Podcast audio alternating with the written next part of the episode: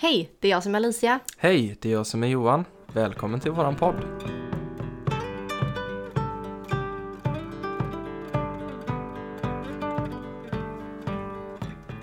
Du, jag tänkte på det här med mysterier. Ja, Det finns ju både olösta och lösta mysterier. ja det är det ju. Mm. Är du så här insatt mycket i som mysterier och är du intresserad av det mystiska mycket? Ja, det är jag. Och särskilt då de kanske olösta mysterierna. Ja. De som är lite så här, det finns ingen riktig förklaring på det än idag. Mm. Eh, och så det öppnar ju upp för mycket tankar hos en själv och spekulationer och så.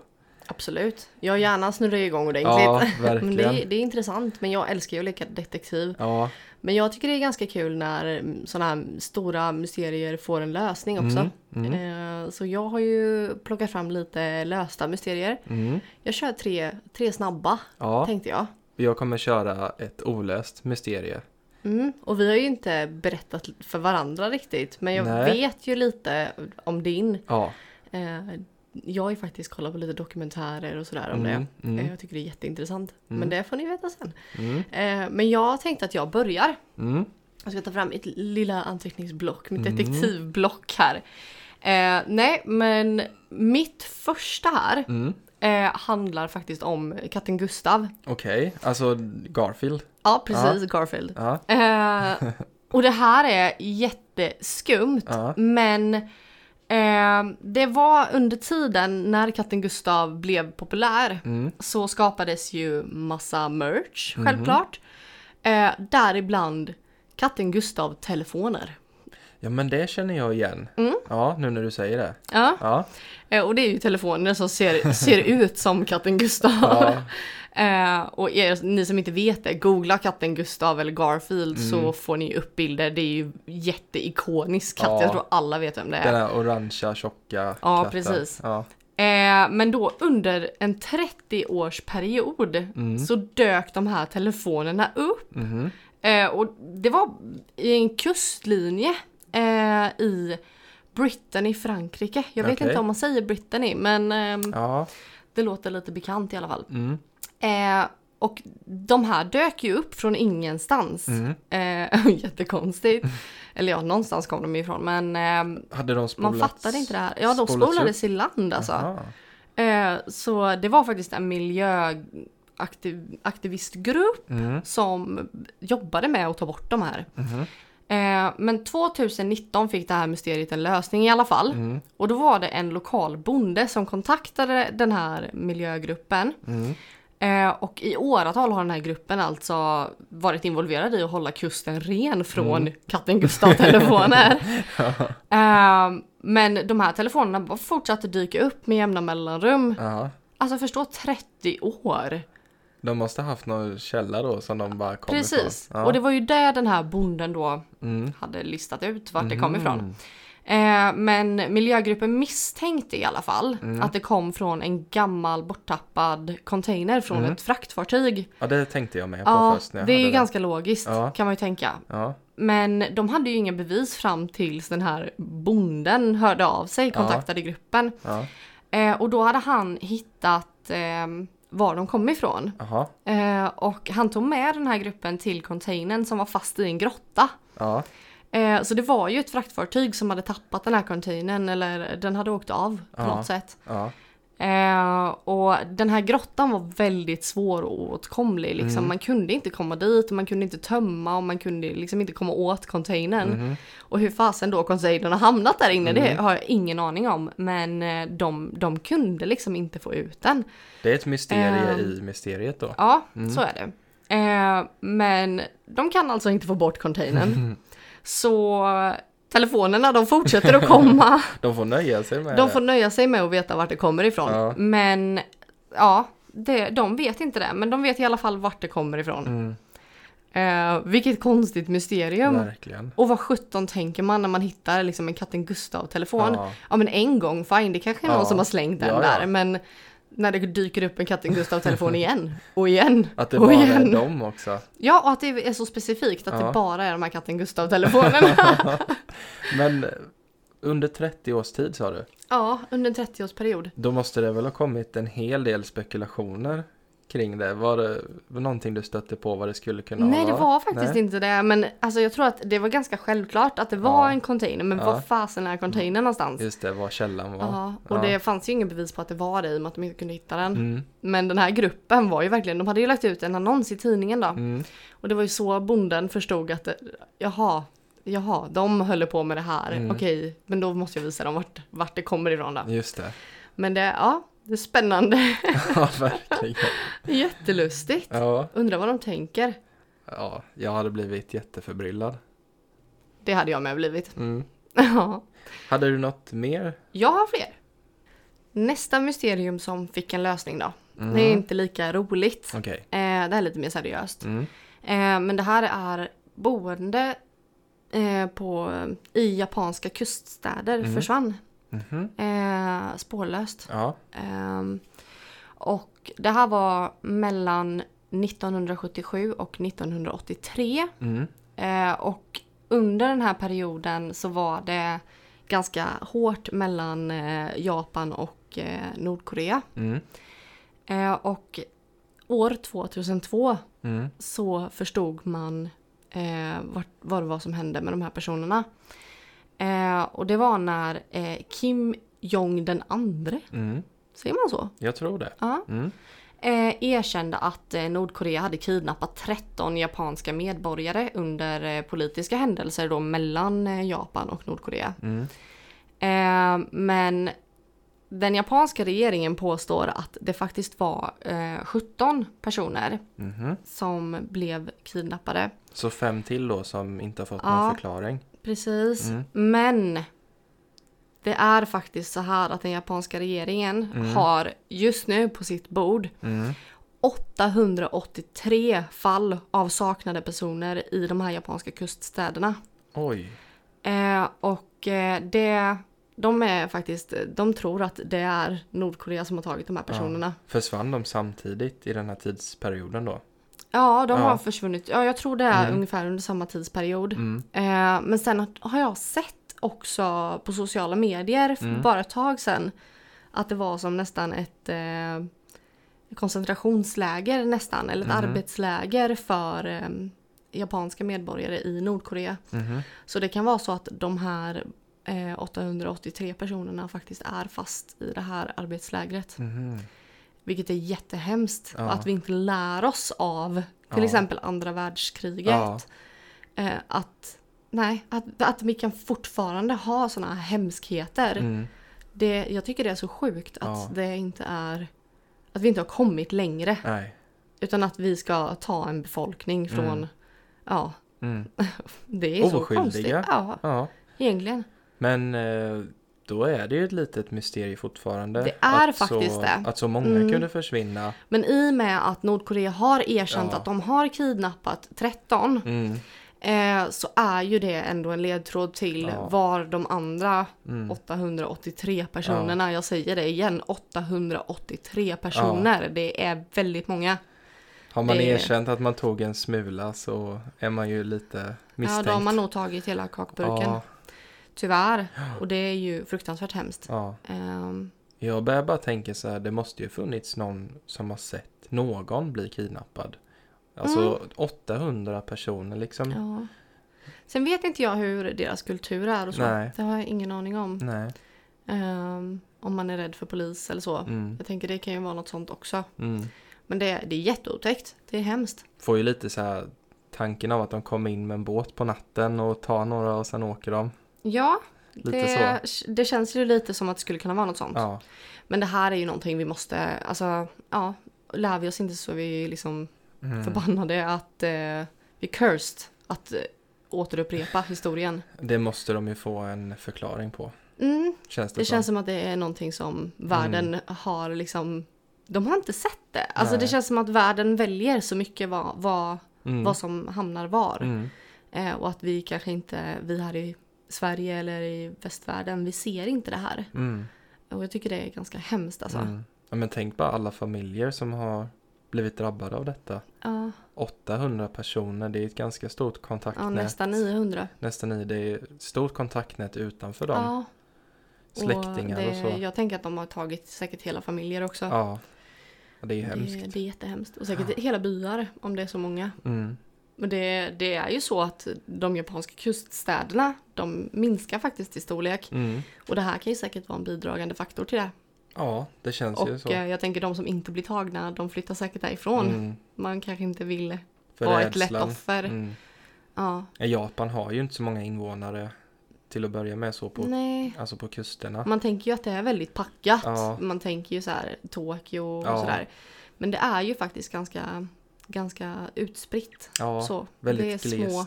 Mm. små byar liksom. Mm. Ja, sen har jag ett till här nu. Mm. Och den är väldigt konstig. Mhm. Eh, och man, ja, den här blev jag lite så här, det här måste jag ha med för det här Mm. är konstigt. Men Mm. det är också löst faktiskt. Mm. Eh, och det här eh, fallet kallas mördaren som stal fötter. Okej. Ja. Mm. Ja, jag låter det sjunka in två sekunder. Jaha. Mördaren som stal fötter. Mm. Eh, det här är då vid 2007 så sköljde den första foten upp på eh, stränder i British Columbia och Washington. Mm. Eh, och i över 10 år så dök det upp 14 fötter totalt. Var det bara en fot eller var det en sko på? En sko på. För det har jag hört innan. Det har du hört ja, innan. Det, låter Det här bekant. tycker jag är jätteintressant. Ja.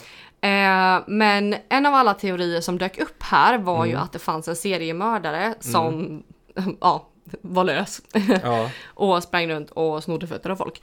Eh, men att eh, polisen jobbade jättehårt med att identifiera vem fötterna tillhörde och sådär. Mm. Eh, men det här var eh, det var en tid när man inte hade rätt analyser och sådär. Men nu med lite modernare teknologi och sådär så har man ändå eh, kunnat identifiera vem fötterna tillhört. Mm. Mm. Eh, och det här är folk som har åkt ut på båtar till exempel drunknat Mm. eh, och rap- rapporterat saknade. Mm. Eh, men man har inte skäl att tro att det är en seriemördare längre. Mhm.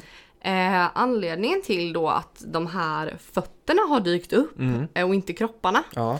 Det är för att när vi eh, dör Ja. och vi är i vatten Ja. så lossnar eh, fötterna eh, snabbare än andra kroppsdelar. Mhm. Och eh, det jag kan tänka mig handleder Mm. som sådär också, Mm. händer till exempel. Mm. Att det är ju samma sak men varför flyter inte de i land då? Mm. Nej men det är för att man har gympaskor på Ja, fötterna. Att de flyter liksom. Precis, och Mm. då när foten lossnar Mm. så flyter de upp till ytan och Mm. flyter i land. Mm. Eh, och det här var väl så vi fick reda på att det här kan hända om du har sneakers på dig och Ja. eh, drunknar helt enkelt.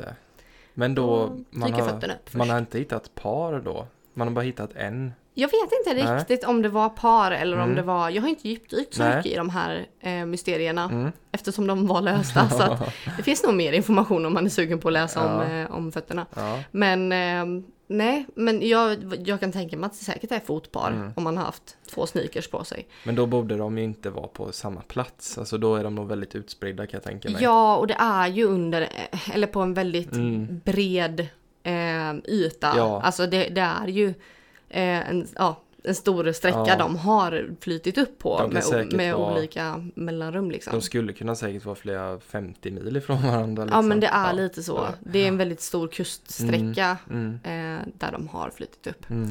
Eh, men det är ganska så här, ja det kan man ju också tänka så här, men gud varför har, vad, vad är det här för fötter Mm. liksom dykt upp i, ja, Men jag förstår ju i verkligen. tio eh, års tid att det har dykt upp massa fötter. Jag förstår ju verkligen tanken där. Att det skulle kunna vara en mördare som vill ändå ge lite. Ja men att det blir lite så här, tecken. men jag tänker de flesta seriemördare har ju kanske en signatur, Ja, lite så. få lite fame i media och så. Ja, många, de är ju lite sådär, Mm. ska ha lite cred Mm. liksom, men de vill inte åka fast. Nej. Nej, det är så typiskt seriemördare. Ja. Men, eh, och då förstår jag ju hur de tänker. Mm.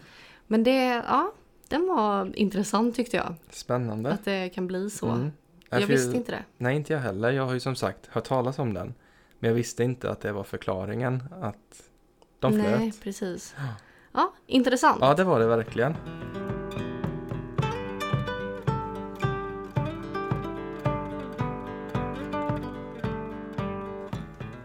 Ja, då ska jag prata om ett eh, olöst mysterie. Mm, det är spännande. Ja, och det är faktiskt ingen som har en eh, förklaring som eh, är 100% vattentät än idag. Mm. Eh, det är då Östersjömysteriet. Ja. Mm. År 2011 så var det Peter Lindberg som är vrakletare är med i gruppen Ocean X-team. De var ute och skannade sjöbotten i eh, Östersjön. Mm. De letar lite efter gamla skepp och så. Ja, men jag har sett, Ja. de har en dokumentär om det här. Ja, det, Ja. det stämmer. Alltså deras mål är ju, de är lite treasure hunters. Så det som är guld för dem det är typ så här gammal konjak och så som har Ja, legat. Gamla champagneflaskor och ja, Det är ju som guld precis. liksom om man slår Ja. på ett sånt gammalt skepp. Men eh, när de är ute där då och skannar eh, så ser de något väldigt märkligt föremål på havsbotten. Och alla hajar ju till för det, det är ju så onaturligt det de ser. Ja, och det Ja. ser ju faktiskt ut som det här, är det Falcon-skeppet Mm, i Star Wars? exakt. Det, det är väldigt likt. ja, Ja, och det är ju därför det har fått så stor spridning i media och eh, varför det är så många då som Ja, det har ju fått smeknamnet ufot i Östersjön. ja, För att det ser ju ut som ett ufo liksom. ja, och ni som inte vet hur Falcon-skeppet ser ut så Mm. är det ju nästan runt. Ja, Med, som en liten pil eller Ja, en liten Ja. pil längst fram eller sådär. det är ju blandat både runt och spetsiga Ja. eller raka linjer. Det ser väldigt onaturligt ut. Ja, Ja, men i alla fall. Eh, det här Östersjömysteriet då. Eh, det ligger på föremålet då. Det ligger på 85 meters djup. mm. Inte jättedjupt ändå. Kan jag tänka mig. Nej. Ganska. För Östersjön är ju ganska djup. Mm. Ja men 85 är ju, det är ändå hyfsat djupt. Ja. Det är det. Ja. Eh, och det har då en diameter på 60 meter. Det är stort. Det är väldigt stort. Eh, och sen ligger det, alltså höjden på det är 3-4 meter över havsbotten. Alltså det ligger bara på havsbotten Mm. på, en, på någon punkt eller hur? Jag tolkade det som att det är liksom 3-4 meter högt. Ja, ja, ja. Man har liksom kunnat scanna av också höjden på det. Ja, ja. Mm. Ja, men... det är ganska eh, högt det med. Ja, det är det faktiskt. Faktiskt. Ja. Men i alla fall, eh, när de upptäckte detta så fick det väldigt stor spridning i svensk media. Mm. Och eh, jag tror det bara var på någon dag så hade ju hela världen hakat på den här nyheten. Ja, jag vet. De har ju haft från BBC Mm. och allt möjligt. Det har ju varit en Jättestort. världsnyhet. Ja, jättestort blev det verkligen. Ja. Och de i Ocean X-team, de, tänk, de tänkte ju inte att det var ett UFO de hade hittat. Nej. Så det första de gjorde det var ju att kontakta maringeologer när de kom i land. Mm. Och så visade de den här sonarbilden då som de hade lyckats skanna av. Ja. Och det var ju ingen av de här geologerna som kunde ge en förklaring på vad det skulle kunna vara. Nej, det är ju Ja, intressant. så från början så har ju de här experterna då inte haft någon förklaring. Mm. Men jag tänker när experter inte heller har en förklaring, då blir det Mm. ju genast mycket mer intressant. Ja, Eh, och det var nog därför de, de kände ju att "Ja, men det här måste vi ju gå till botten med. mm. Så de började ju kontakta experter. Finns det någon annan som kan ha någon förklaring på vad det kan vara Mm. och så? Men jag kommer in lite mer på vad man har fått för förklaringar. Eh, men ett år senare ungefär så hade man lyckats eh, skrapa upp pengar tror jag till en expedition. Det är ju väldigt dyrt att göra Ja. sådana expeditioner och gå ner Mm. med all utrustning och jag vet att de hade väldigt problem med vädret. Ja. Att det var inte säkert att gå ner. Mm, Eh, och att det förstörde hela, ja, förstörde väldigt mycket. De hann bara vara nere en dag tror jag. ja, det är ju väldigt eh, kort tidsspann man har på sig Jag tror bara det var ett eller sånt. två dyk de hann med Ja. och det är ju jättelite. Mm, Just för att det var så blåsigt Mm. och stormigt. Mm. Och nej, men de hade bara budget för att vara ute i två, tre dagar tror jag. Ja. Men detta var väl sommaren 2011 som de upptäckte det och så sommaren 2012 Mm. Då hade man ju med sig ett team med dykare som var väldigt rutinerade på ja, men dyka ner och filma, ta bilder Mm. och ta lite prover och sådär. Mm. Och eh, det var ju det man gjorde. Så man fick ju en hel del eh, stillbilder och Mm. man filmade även den här dykningen. Och man hade med sig som små eh, ja, men pick, pickor, vad säger man, för att få loss sten med. Jaha, små typ hackor. Ja, man hackade Ja. loss eh, eh, det här materialet då som är på föremålet. Mm. Och så tog man med sig det upp för eh, analys. Mm. Och eh, det som man hittade då, det var att eh, det var två olika metaller. Okej. Eh, och det var limonit och geotit. Jag känner inte igen Ah, Nej, det. de har jag inte hört Nej. talas om innan. Men det är då, man säger att naturen inte kan liksom återskapa dem själv. Utan det är man-made liksom. Ja, Det är människor som har gjort det.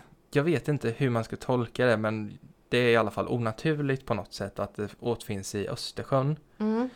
Eh, sen hittade man faktiskt även lavasten, tror jag. Om, man, om jag minns Okej. rätt. Ja, Och vi har väl lavasten. inga vulkaner i, Nej, det kommer ju från... i Östersjön? eh, nej, det kommer ju från vulkanisk aktivitet. ja. Så det ställer ju till det lite det här med, okej, Mm. vad gör de här metallerna och de mineralerna eller så i Vad Östersjön? gör de där liksom? Ja, Mm.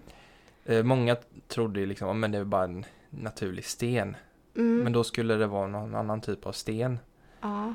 Ehm, så det var ju också en sån där sak som gjorde det lite svårare för experterna att kunna ge en förklaring till vad det är.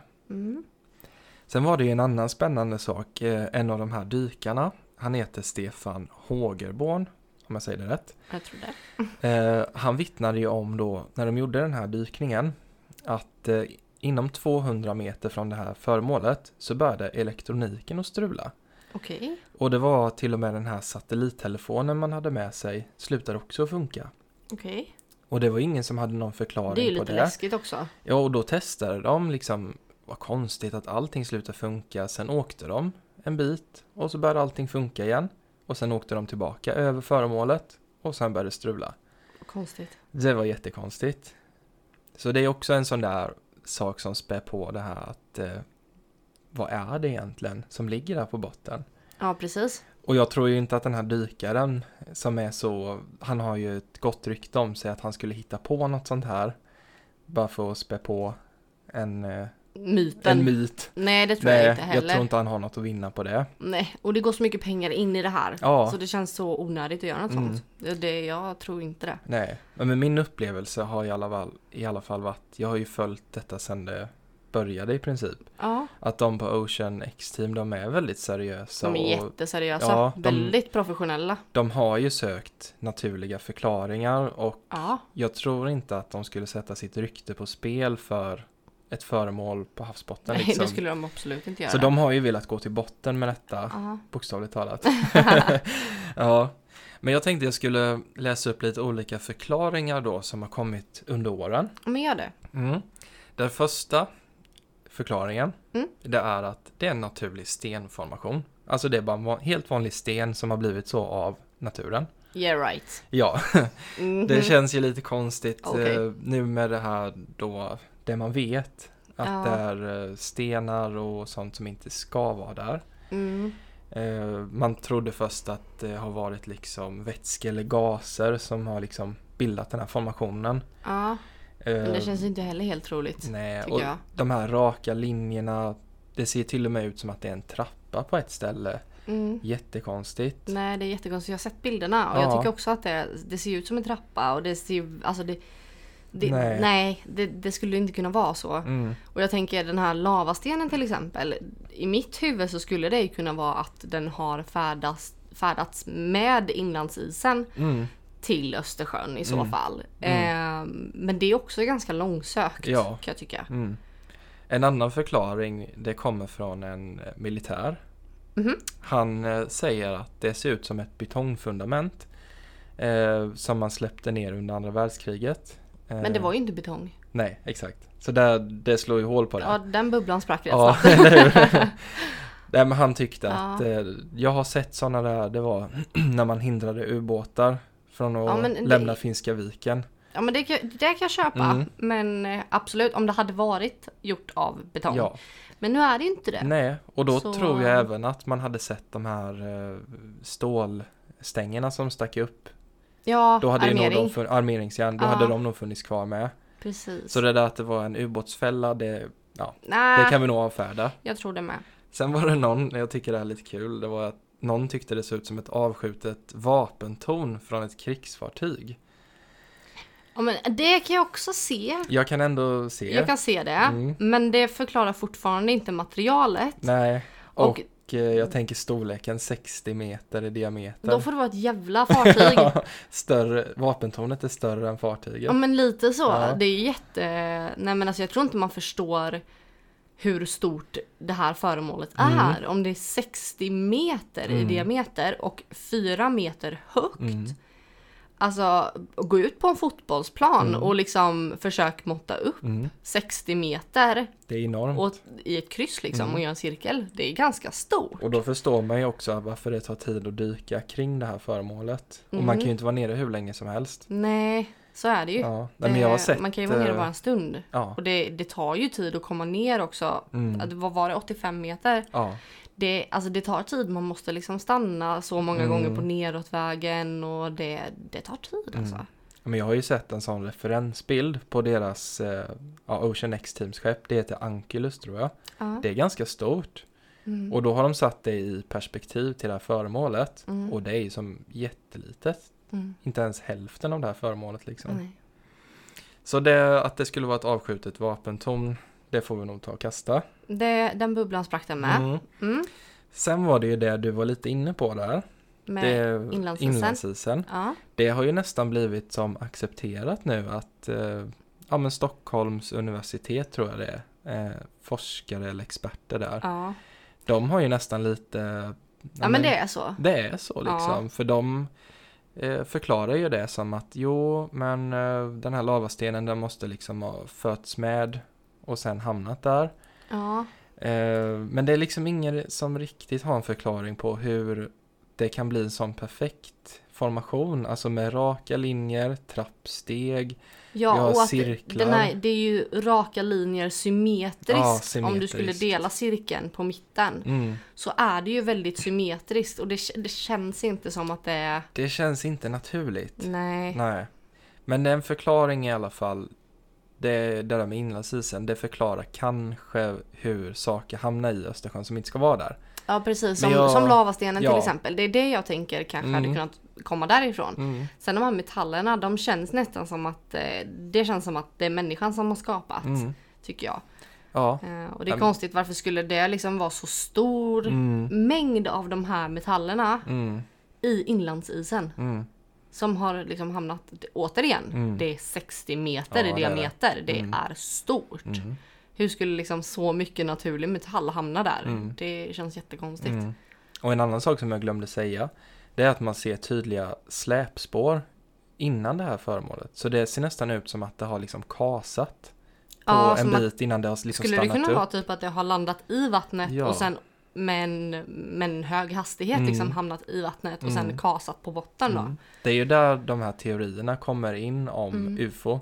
Eller Ja. meteorit. Ja. Att det är någonting som har kommit eh, med väldigt hög hastighet och ja, men slått ner i botten då. Så eh, jag tänkte jag skulle ta den förklaringen med som har fått stort genomslag. Det är Mm. ju såklart UFO-teorin. Självklart. Och speciellt eftersom det ser ut som Ja. det här Falcon-skeppet. Mm, Det, ja, ja, det kan jag tänka mig. och det är ju främst i USA och Asien som har kommit med de här teorierna. De, Ja men det känns inte heller helt eh, konstigt att det är de som kommer med det. Mm. Mm. Eh, Men vi har ju en eh, ja, organisation tror jag det kallas i Sverige som heter UFO Sverige. Ja, Och jag tror han är chefsredaktör eller lite så där. Mm. Han brukar alltid uttala sig. Claes Svan heter han då. Och han är ju en skeptiker tycker jag. Till allt som har med UFO att göra. Så han är väldigt kritisk. han är väldigt Ja. kritisk. Men eh, alltså han tycker inte alls att det här skulle ens kunna vara rimligt att det är ett UFO. Nej. Eh, mycket av hans, eh, vad ska man säga, skepsis kring det här, det är att han tycker att Ocean X-team har varit väldigt återhållsamma och väldigt vaga i med vad de har valt att gå ut med. Ja, Han tycker nästan att eh, det känns som att de har spett på det här mysteriet för att få lite, ja men få lite fame typ. ja absolut. Ja. Ja, det, jag kan förstå Jag den kan tanken. förstå det med. Absolut, jag håller inte med men jag kan Mm. förstå tanken att det kommer så. Mm. Men alltså han visar ingen, eh, han är inte alls öppen för att det är ett UFO som ligger där. Nej, nej och det kan man förstå. Men Ja. eh, sen tänker jag också att de har ju gått ut med vissa detaljer men inte med andra. Mm. Eh, sen vet jag att du också har ehm, förstått att de får väldigt mycket dödshot. Eh, Ja. Och väldigt, väldigt mycket hot allmänt kring det här projektet. Ja, det har ju kommit fram, jag tror det är genom en dokumentär. Där Ja. både Peter och eh, en annan som jag tappat namnet på nu vittnar om att de har fått hot skickade hem till sig. Mm. Eh, och det är hot som handlar om att eh, ni ska inte starta upp några fundraisers till det här. Ni ska Mm. liksom sluta gräva i detta och Låt det vara. ja, först så bemöttes de ju väldigt mycket med, eh, de blir nästan hånade. Ja, Och ja det vet jag. Mm. Det är ju en taktik man använder att först håna. Funkar inte det, sen hota då. Ja. Och det känns som att eh, det är väldigt svårt att hitta någon som vill sponsra dem. Det är lite konstigt. Det är också jättekonstigt. Jag ja. tänker vi har ju fått ett genomslag i hela världen. Det är jättemånga som brinner för att ta reda på vad det är. Men det kommer inga sponsorer. Nu ska du få höra. Jag har det i min telefon här. Eh, det var inte alls länge sedan eh, en på Ocean Extreme startade en fundraiser för detta. Jag tror det är 2020. Dennis Ja. Åsberg heter han. Ja. Eh, de har lyckats skrapa ihop 7416 kronor. När startades den? För två år sedan. Det är inga pengar alls. Nej. Och det, jag tänker så många miljonärer och biljonärer som det finns i världen. Ja. Alltså de måste ju... Någon måste ju ha liksom... Någon måste ju ha intresset Ja. och liksom ha pengar till övers och bara Mm. oj men det här låter intressant. Mm. Nu slänger jag dit en miljon, två Mm. miljoner. Ja, nej men det, det är jättekonstigt att de inte har fått med på två Mm. år 7000 kronor. Och att man inte... Ja men, är det en sten? Då är det väl skönt att få det ur världen. Ja, men det, det liksom- är det ju inte. Det känns ju inte som det. Om det är så många Mm. som är emot det, Mm. Då vet ju någon vad det är. Mm. Tänker jag. Det är ju det som gör det till ett mysterium tycker Mm. jag. Att eh, vi vet att det ligger någonting på Östersjön. Mm. Men det är liksom någonting som Hemligt. jobbar emot Så det. hemligt. Ja. Eh, men jag, jag tänker alltså att mm, vi ska tipsa om den här dokumentären Mm. också. Den är filmad av dem. ja, Eh, och den ligger ute på deras hemsida tror jag. och Youtube. Och Youtube. Mm. Eh, vad heter den dokumentären där? Ja, Jag vet att den man, heter... man kan nog bara söka på Youtube på Ocean X Team. Ja, men den heter The Mystery Beneath. Ja. Ja, så den eh, är ju då skapad av dem. Mm. Sen finns det även fler dokumentärer. Men de är nog lite mer fan-made. Alltså, jag tycker att den är väldigt bra den dokumentären Ja. för jag har ju sett den. Den är väldigt saklig. Eh, ja, och man får följa med dem när de åker ut och Mm. den, är, den är jättebra. Mm. Eh, så om du tycker att det här var spännande så alltså, gå in och titta på dokumentären så får du Mm. veta så mycket mer. För det här är jätte, jättestort Mm. alltså. Och är du miljonär, biljardär, jag vet inte. Eh, gå jättegärna in och sponsra för vi vill fan Ja, veta. det vill vi. Ja, det här är så spännande. Mm. Och det ligger liksom precis utanför Sverige. Ja. Det är inte långt alltså. Nej. Det ligger i Östersjön Ja. och väntar. Verkligen. Men jag tänker bara att det känns nästan lite som en cover-up av en eh, någon regering. Alltså, Ja, men det är, om det inte är fler. Alltså, Mm. det, jag tror att det är flera som har gått ihop här. mm. Jag tror att det är många som inte vill att det här ska Mm. komma fram. Men då har vi ju två teorier då. Mm. Att det skulle kunna vara ett UFO. Alltså ja, från yttre rymden, alltså spår av utomjordingar. ja, Eh, som någon av någon anledning är rädd för att det ska komma ut. Att Ja. man försöker mörklägga det. mm. Sen har vi en annan förklaring då och det är ju att det här är man-made. Mm. Alltså att Precis, människan, att har skapat, det. det. Antingen om det är spår från en tidigare civilisation. Mm. Då slår ju det hål på hela evolutionsteorin. Så kan det vara. Ja, att eh, vi hade avancerad teknologi och att vi nu då har ett bevis på det. Ja, men det är lite som, samma som gamla Egypten Ja. och sådana saker. Ja. Mm. Jag har en annan teori också.